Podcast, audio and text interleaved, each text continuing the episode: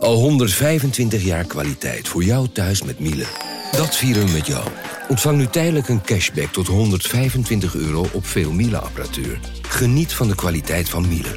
Voor perfect verzorgd wasgoed en kleding die veel langer mooi blijft. Voor een stralend schone vaat, even perfect als jouw diners. En een stofvrij thuis waarin echt hygiënisch schoon de standaard is. Check miele.nl voor alle feestelijke aanbiedingen. Hey podcastluisteraar. Ook op zoek naar een relevante invulling van je schaarse luisteruren? Tune dan in op de podcastserie ESG, even samengevat van BNP Paribas. Wij, Marloes en Aldert, spreken daar duurzame voorlopers en wereldverbeteraars. Waarover dan? Nou, bijvoorbeeld of we ooit duurzaam kunnen gaan vliegen. En waarom koeien in de stad nou een goed idee is? Dat en meer elke twee weken in een nieuwe aflevering. Dus abonneer je. ESG, even samengevat. Vanaf de redactie van NRC het verhaal van vandaag. Mijn naam is Thomas Rup.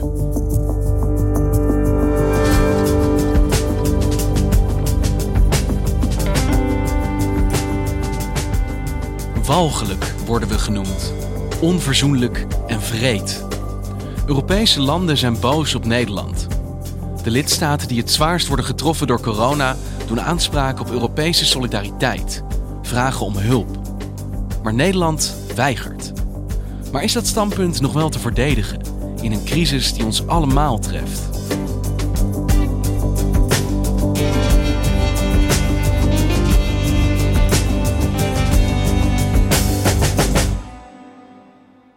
Clara, klopt het nou echt dat heel Europa zo'n beetje boos op ons is op dit moment? Nou, heel Europa is misschien een beetje um, fors gezegd. Italiaanse politici halen vandaag in een open brief in de Duitse krant de Frankfurter Allgemeine Zeitung uit naar Nederland. Nederland verzet zich tegen het vrijmaken van meer financiële steun voor landen die hard worden geraakt door de coronacrisis, zoals Italië. De Italianen die zijn heel erg boos op Nederland, omdat het geen EU-miljarden nog wil uitgeven om de coronacrisis Europees te bestrijden. En zo ook. Maar er zijn behoorlijk wat mensen in Europa die op dit moment niet zo blij zijn met uh, Nederland. En uh, ja, de taal die daarbij gebezigd wordt, die is ook behoorlijk ja, fel. Ze zijn woedend. Nederland is vreed, Nederland is egoïstisch en Nederland mist ethiek. Dat zeggen ze in. Clara van der Wiel is Europa-correspondent en woont en werkt in Brussel. De, de felste uithaal was waarschijnlijk die van de Portugese premier Costa, die afgelopen vrijdag sprak over de walgelijke Nederlandse positie. Olha, esse discurso é repugnante no quadro de uma União Europeia. E a expressão é mesmo esta, repugnante. Als je de kranten in Italië nu leest, dan komt Nederland er echt heel slecht vanaf. In alle columns, in opiniestukken wordt steeds gesproken over die harde, harteloze, onempathische houding van de Nederlanders. Hoe kunnen ze dit nu doen? Hoe kunnen ze ons nu zo in de steek laten? Maar als ik met diplomaten bel van uh, verschillende lidstaten, dan hoor ik veel vrevel, irritatie, ergernis, woede soms zelfs over de Nederlandse positie. Waarom zijn al deze landen zo boos op Nederland? Omdat er natuurlijk landen zijn die echt ontzettend hard getroffen worden door deze coronacrisis, door het virus. Nou ja, het zijn in ieder geval Italië, maar ook in grote mate Spanje. En zeker in die landen die het zwaarst getroffen worden, er gebeurt gewoon helemaal niks meer. Alle winkels zijn dicht, het hele openbare leven ligt plat. Dat gaat een gigantische impact hebben op de economie daar. En die landen zeggen, de crisis die hier aankomt, dus de economische crisis waar, waar wij geplaatst worden, die is zo groot. Wij hebben steun daarvoor nodig. Dat kunnen we alleen in Europees verband aanpakken. Want wat zijn die instrumenten waar Zuid-Europa aanspraak op wil maken? Wat willen ze dat Europa doet voor hen? Nou, een van de instrumenten waar, Europa, waar Zuid-Europa aanspraak op zou kunnen maken is bijvoorbeeld het Europese stabiliteitsmechanisme. La solution proposée s'appelle le MES, le mécanisme européen de stabilité. Son rôle accordé. Dat is een groot fonds waar alle Europese lidstaten geld in hebben gestort. En dat fonds gebruikt dat geld om heel goedkoop leningen te krijgen op de kapitaalmarkten. En die lenen ze vervolgens weer door aan landen die het moeilijk hebben. Dus zo is er nog 400 miljard euro beschikbaar om te lenen. Nou ja, da daar zou bijvoorbeeld Italië, dat nu ontzettend in de knauw zit, zou daar aanspraak op kunnen maken. Maar de regels van dat ESM, dus het Europese stabiliteitsmechanisme, zijn wel dat als je aanspraak wil maken op dat geld, dat je ook hervormingen moet doorvoeren in je eigen land. Dus dat betekent vaak zwaar bezuinigen, bijvoorbeeld op de pensioenen of op de andere sociale uitkeringen. Nou, Italië die zegt nu van ja, die, die regels voor dat ESM die zijn zo streng. Je kunt van ons niet verlangen dat nu het water ons echt tot boven aan de lippen staat, dat we ook nog eens uh, zwaar gaan snijden in onze sociale zekerheden. Wij willen aanspraak kunnen maken op dat speciale noodfonds, dus dat ESM, zonder dat we daarvoor uh, hele zware hervormingen moeten doorvoeren. Terwijl Nederland benadrukt, nou jongens, ieder voor zich. Wij hebben onze eigen steunmaatregelen voor het Nederlandse bedrijfsleven. Afgelopen jaren hebben we niet alleen veel geïnvesteerd in de samenleving, maar hebben we ook de overheidsfinanciën op orde weten te brengen. En dat hebben we gedaan om moeilijke tijden, zoals die nu zijn aangebroken, goed door te komen. Misschien had je de afgelopen jaren toch moeten gebruiken om betere buffers aan te leggen. Nou, Nederland heeft dat gedaan, hè. heeft het begrotingstekort helemaal teruggebracht, heeft flink bezuinigd, bijvoorbeeld op de zorg, op het onderwijs. Allerlei manieren hebben ze bezuinigd.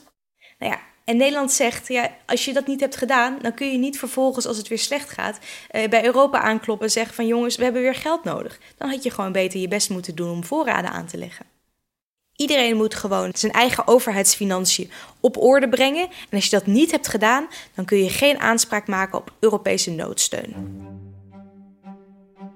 Maar deze crisis speelt in heel Europa. Hij speelt over heel de wereld. Waarom gaat Nederland op dit moment voor steun liggen aan deze landen? Nederland heeft, die, die, die, die heeft het standpunt dit moet geen crisis zijn waarin wij opeens alles overboord gaan gooien. De afgelopen jaren is er heel vaak vanuit Zuid-Europa gepleit voor nou ja, een lossere begrotingsmoraal, voor nieuwe Europese solidariteitsinstrumenten, waardoor er bijvoorbeeld meer welvaart van uh, de Noord-Europese landen richting het, het, zuiden kan stromen. En Nederland die zegt van ja, we gaan nu niet, nu we geconfronteerd zijn met een virus, opeens al onze uh, gebruikelijke standpunten overboord gooien. Zij zijn eigenlijk heel bang dat dit nu wordt gebruikt om allerlei instrumenten waar Nederland zich al echt jaren tegen verzet, dat die er een beetje doorgesjoemeld worden. En dat we dan over een paar jaar terugkijken en denken van shit, waar zijn we nou in gerommeld? En hoe maakt Nederland dat duidelijk? Hoe communiceren wij dit aan die landen die dus om hulp vragen? De belangrijkste reden waarom de rest van Europa zo boos is geworden, is waarschijnlijk vooral de manier waarop Nederland dat doet. En dat is gewoon een botte toon. Minister van Financiën Hoekstra liet ze dat vorige week duidelijk weten, heel duidelijk. En vandaag kwam. Nou, vorige week in een overleg van de Eurogroep, dat, dat is een overleg van alle ministers van Financiën van Europa. In dat overleg ging het vrij hard eraan toe. En, en er werden inderdaad landen die echt zeiden van jongens, het water staat ons aan de lippen, we hebben noodhulp nodig onze minister van eh, Financiën, Wopke Hoekstra, heeft toegezegd van... Nou, alles leuk en aardig, maar misschien moeten we eerst eens even uitzoeken hoe het kan dat jullie niet gespaard hebben de afgelopen jaren. Nou ja, dat is echt opgevat als een middelvinger richting het zuiden van Europa. En dat is ook niet voor het eerst. Ik bedoel, Nederland staat in Europa gewoon heel erg bekend als een land dat heel ja, bot uh, zich gedraagt in, in discussies de voorgangers van Wopke Hoekstra die gedroegen zich wel op, op vergelijkbare manier. Hè? Uh, Jan Kees de Jager, een oud-minister van Financiën, die, uh, die zei het gewoon zo van... ja, I'm Dutch, so I can be blunt. Nou ja, Jeroen Dijsselbloem, ook een voorganger van Wopke Hoekstra... die ja, staat bekend om een uitspraak die jullie misschien ook nog wel herinneren. In an interview with a German paper, he said... you cannot spend all the money on spirits and women and then ask for help. Dus dat was ook een hele ja, scherpe manier eigenlijk. Heel venijnige manier om uh, ja, Zuid-Europese landen die uh, ja, meer, minder begrotingsdiscipline hebben dan Nederland... om die eigenlijk gewoon feitelijk de les te lezen. Ja, maar Europa is dus wel iets gewend van Nederland op dit gebied. Staat Nederland hierin alleen? Zijn wij de boze, maar ook een beetje eenzame man die nu aan het roepen is in Europa?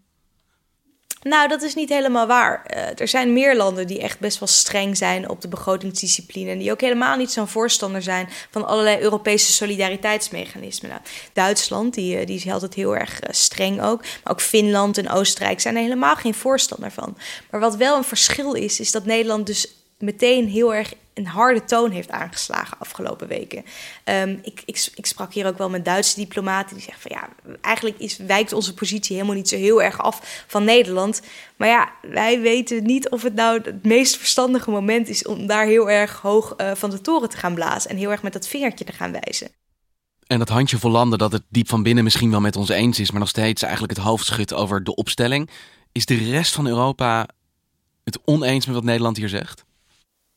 Ja, dat kun je wel zeggen, want er is wel steeds ja, bredere coalitie binnen Europa voor uh, meer Europese instrumenten om die economische crisis uh, aan te gaan. Dat kun, kan dus bijvoorbeeld zijn die instand van het Europese noodfonds, maar ook bijvoorbeeld de uitgifte van zogeheten eurobonds. Dat is dus eigenlijk gezamenlijk schuldpapier wat dan alle Europese landen samen uitgeven op de kapitaalmarkten om daarmee geld ja, te lenen eigenlijk nou ja, daarvoor is ook steeds meer steun binnen Europa. Dus je ziet wel dat Nederland wel in een slinkende coalitie zit van landen die op de rem trappen om uh, ja, andere uh, Europese instrumenten in te zetten voor die economische crisis. Er is toch ook wel iets voor te zeggen, deze houding van Zuid-Europa, of eigenlijk de meeste landen in Europa. Want deze pandemie heeft feitelijk toch ook niks te maken met begrotingsbeleid. Dit is toch een situatie die op dit moment voor alles gaat. Ja, dat is ook wel een verschil met de vorige crisis. Kijk, tien jaar geleden hadden we natuurlijk ook een gigantische economische crisis. En toen kon je veel meer zeggen van, nou ja, landen hebben gesjoemeld met de, met de boeken. Dus met, met, de, met de Excel-bestanden, die hebben ze allemaal niet helemaal netjes bijgehouden. Ze hebben hun schuldenberg veel te erg laten oplopen. En dat heeft nu concrete gevolgen. Terwijl dit virus, ja, dat eigen schuldargument, wat je tien jaar geleden misschien nog kon gebruiken, dat kun je nu gewoon heel moeilijk gebruiken. Want het is niet de schuld van Italië dat ze nu getroffen worden, het virus. Het is ook niet de schuld van Spanje dat ze nu zo zwaar getroffen worden.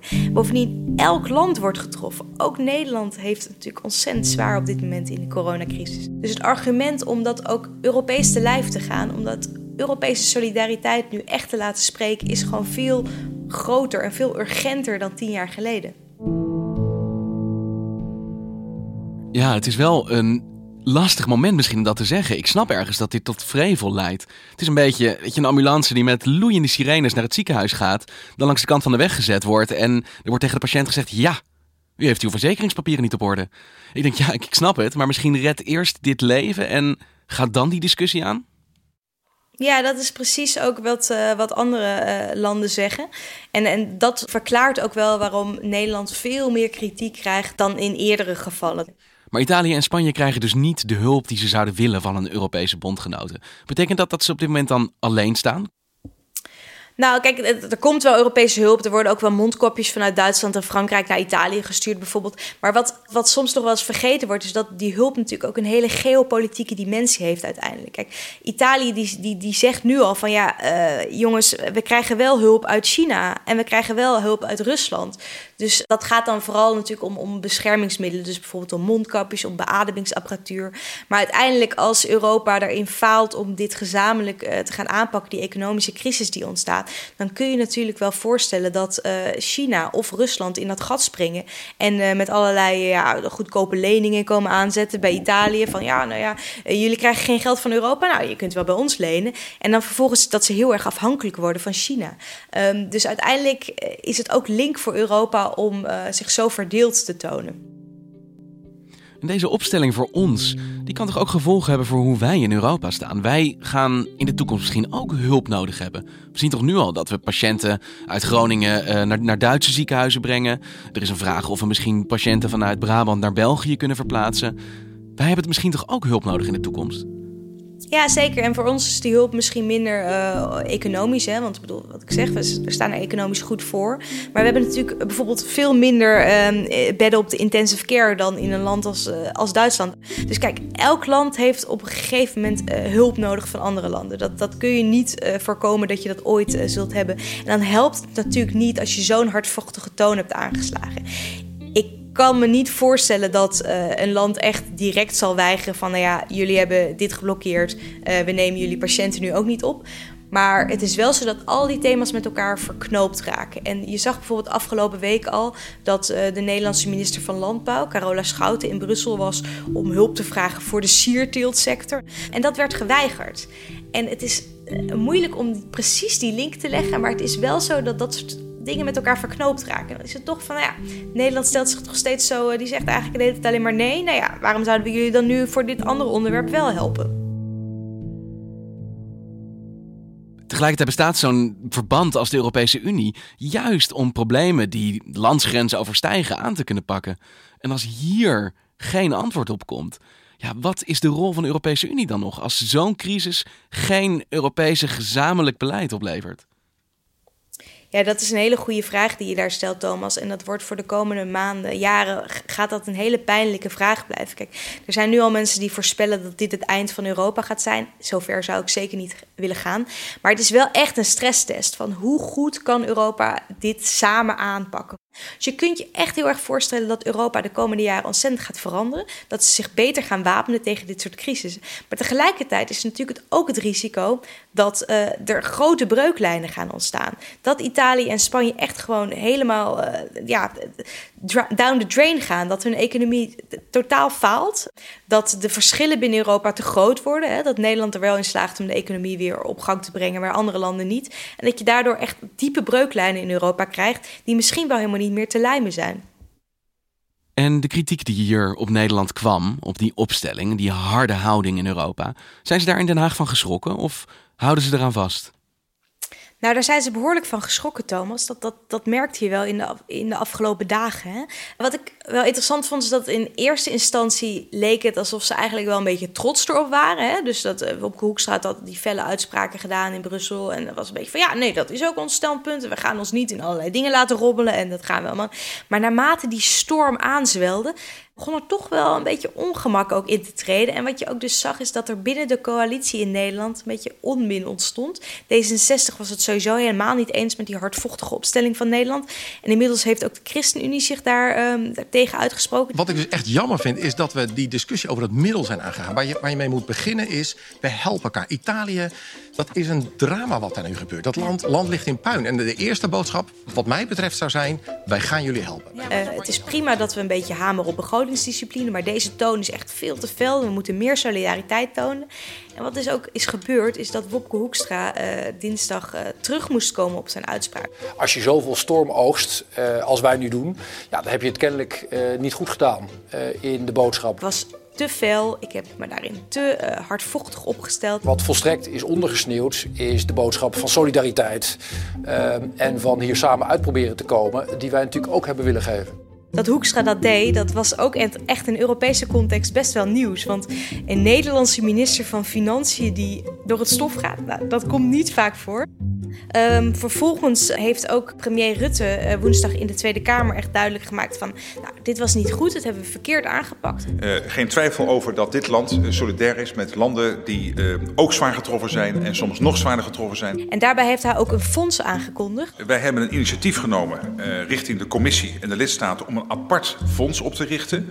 Het coronafonds gevuld met bijdragers vanuit de lidstaten. En daar wil Nederland ook substantieel aan bijdragen. Waarin Nederland 1 miljard euro wil storten dat zijn, dat is belangrijk, geen leningen, het zijn geen garanties, het is een gift. En dat, dat moet dan een gift worden aan Zuid-Europa, uh, waarmee ze ja, de zwaarste uh, ja, medische kosten kunnen opvangen. En dat, dat moet dus een gebaar zijn van goede wil hè, vanuit Nederland, van jongens, we willen jullie echt wel helpen, we staan niet alleen maar op de rem.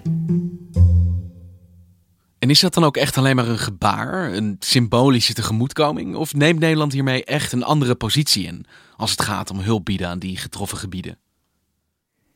Hmm, het is natuurlijk vooral bedoeld als een gebaar. Dat tonen ook wel een beetje de eerste reacties die op dat gebaar van Nederland nog nu komen. Ik bedoel, 1 miljard klinkt als veel geld. En dat, het is natuurlijk ook veel geld, zeker als je het als een cadeautje geeft. Maar vanuit Zuid-Europa hoor je nu ook wel van... ja jongens, wij hebben helemaal geen behoefte aan liefdadigheid. We willen gewoon samen aan een Europese oplossing van de economische crisis werken. We willen ervoor zorgen dat er instrumenten in werking worden gebracht... waardoor we dit allemaal gezamenlijk kunnen dragen... en waarmee we dus met z'n allen uh, garant staan om die klap op te vangen. En uh, kijk, de oplossing die Nederland nu voorstelt... die, richt zich ook heel specifiek op die medische kosten. Italië en Spanje hebben natuurlijk hele hoge medische kosten op dit moment, omdat ze zo zwaar getroffen worden door het coronavirus. Maar de landen zijn vooral op zoek naar een Europese oplossing voor de, hele economische storm die hier uh, op gaat steken, ook nadat het virus is bedwongen. En ook is het dan misschien nog lang niet wat deze landen eigenlijk het liefste van Nederland of Europa zouden willen zien, zijn ze hiermee wel iets minder boos geworden? Nou ja, kijk, het is altijd goed om een gebaar te maken om, om het gesprek weer op gang te brengen. Maar ik kan me niet voorstellen dat dit Nederlandse gebaar voldoende gaat zijn om ja, eigenlijk alle diplomatieke plooien die zijn ontstaan de afgelopen tijd, om die weer glad te strijken. Ik denk dat er wel flink wat meer voor nodig is om dat weer allemaal uh, glad te trekken. En volgende week zal Hoekstra de vergadering weer in moeten gaan met zijn uh, collega-ministers van Financiën tijdens het Eurogroepberaad. Nou ja, en dan gaan we zien hoe goed dit Nederlandse voorstelletje valt. Ik zou er niet op rekenen dat iedereen uh, Hoekstra daar juichend uh, gaat onthalen. Dankjewel, Clara. Graag gedaan, Thomas. Je luistert naar vandaag. En we volgen de ontwikkelingen rond de corona-uitbraak natuurlijk op de voet. Zoals al die online vergaderingen, rekenlessen en vrijdagmiddagborrels die tegenwoordig worden georganiseerd via video-apps, zoals Zoom. Maar hoe veilig is dat?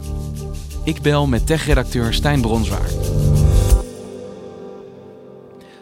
Hey Stijn, ik ving hier het gerucht op dat jij op dit moment zelf pubquizzen organiseert, maar dan online via Zoom. Ja, klopt. Ik, ik heb met, samen met vrienden een uh, pubquiz die we elke week doen. Dat doen we via Zoom. Vanavond ben ik uh, quizmaster in mijn eigen pubquiz, waarvoor ik Zoom ook gebruik. Net als duizenden Nederlanders, wat is op dit moment ja, naast Microsoft Teams is het de populairste app in de App Store. En zelfs de Britse premier Boris Johnson die laat op Twitter zien dat hij Zoom gebruikt om met zijn kabinet te spreken. Maar de afgelopen weken bleek wel dat Zoom toch niet zo veilig is als heel veel mensen misschien denken. Dat twee Amerikaanse techjournalisten die organiseerden laatst een conference call via Zoom. Waar vrouwelijke professionals konden vertellen over waar ze tegenaan liepen op de werkvloer. Best een persoonlijke opgezette uh, conference was dat. Maar na een kwartier nadat dat gesprek begon, toen begon een van de deelnemers ineens Two Girls One Cup af te spelen. Oh god, ja, Two Girls One Cup. Ik krijg een flashback naar de meest vreselijke video die ik ooit heb gezien. Klopt, porno was het. Het was, ja, het was niet de eerste keer trouwens dat uh, aanvallers toegang kregen ook tot dat programma. Het is nu zelfs een naam ook voor Zoombombing. Zoombombing, dat is inbreken op Zoom met porno. Met porno en ook met van alles. Dus, ja, het, gaat om ja, gasten of aanvallers, trollen. Die zich dan toegang weten te verschaffen tot, tot videogesprekken. En dan vervolgens via de schermdeelfunctie porno of extreemrechtse teksten of dat soort zaken tonen. Others have used the term Zoom bombing. Uh, we refer to it as VTC hijacking. And uh, it's essentially when an intruder joins a meeting uh, who's not invited. In the past uh, couple days, we've had uh, two reports of Massachusetts based schools that have uh, experienced a, a, VTC hijacking. The intruder will disrupt the class and, and speak profanity, or there's also disturbing images that they can put on screen. Want hoe kan het dan? Hoe kan het dat ze zo makkelijk binnendringen? Is dat programma zo lek? Nou ja, het is een hele toegankelijke dienst. Je hoeft die app niet te installeren om toegang te krijgen tot videogesprekken. Als je die niet met een wachtwoord hebt beveiligd, dan kunnen derden er makkelijk bij. Er zijn, er zijn allerlei risico's aan Zoom. Het blijkt vanwege de manier waarop het zich op je computer nestelt, je computer ook kwetsbaar te maken voor hackers. Het bedrijf bleek stiekem data door te sluizen naar Facebook. Dat was voor de FBI en de openbaar aanklager in New York ook reden om onderzoek in te stellen naar dit bedrijf. Ja, want iedereen is massaal natuurlijk digitaal aan het vergaderen, maar ook, nou ja, dus pubquizzen blijkbaar uh, borrelen. Maar dan is dit misschien niet de veiligste optie om te gebruiken. Ja, ik, ik zou zeggen, denk vooral goed na als je, als je het gaat gebruiken. Dus stel een wachtwoord in als je een uh, videochatgesprek hebt, zodat iedereen een wachtwoord moet invullen als ze willen meedoen. Dan kunnen al die trollen er niet bij. Voer geen, uh, zoals Boris Johnson uh, doet, doe dat niet, zou ik zeggen. Geen hoogvertrouwelijke gesprekken via Zoom met informatie die niet op straat mag belanden. En als je gewoon met vrienden belt, of het wordt echt heel persoonlijk, dan, dan is WhatsApp of FaceTime. Die hebben echt betere versleuteling, is dan je data wel beter beschermd. Maar vanavond ga jij gewoon nog het risico nemen dat er een filmpje met twee vrouwen en één, uh, en één glas opduikt in jouw quiz. Ik ga dat vanavond het risico nog één keer nemen. De uitnodigingen zijn al verstuurd, maar daarna ga ik denk toch eens naar een andere dienst kijken. Nou, zet hem op vanavond, Stijn. Dank je. Wil je meer te weten komen over hoe er op dit moment juist vanuit Den Haag wordt gekeken naar Bobke Hoekstra? Luister dan morgen naar onze politieke podcast Haagse Zaken. Daarin wordt zijn rol in de coronacrisis afgezet tegen die van Hugo de Jonge, die andere kroonprins van het CDA. Je vindt Haagse Zaken op alle grote podcast-apps. Vandaag wordt gemaakt door Mirjam van Zuidam, Henk Ruigrok van der Werven, Tessa Kolen, Ido Havinga, Julie Blusset, Jan-Paul de Bond, Ruben Pest, Felicia Alberding, Jeppe van Kesteren en Jennifer Patterson. De muziek die je hoort is van Rufus van Baardwijk. Dit was vandaag, maandag weer.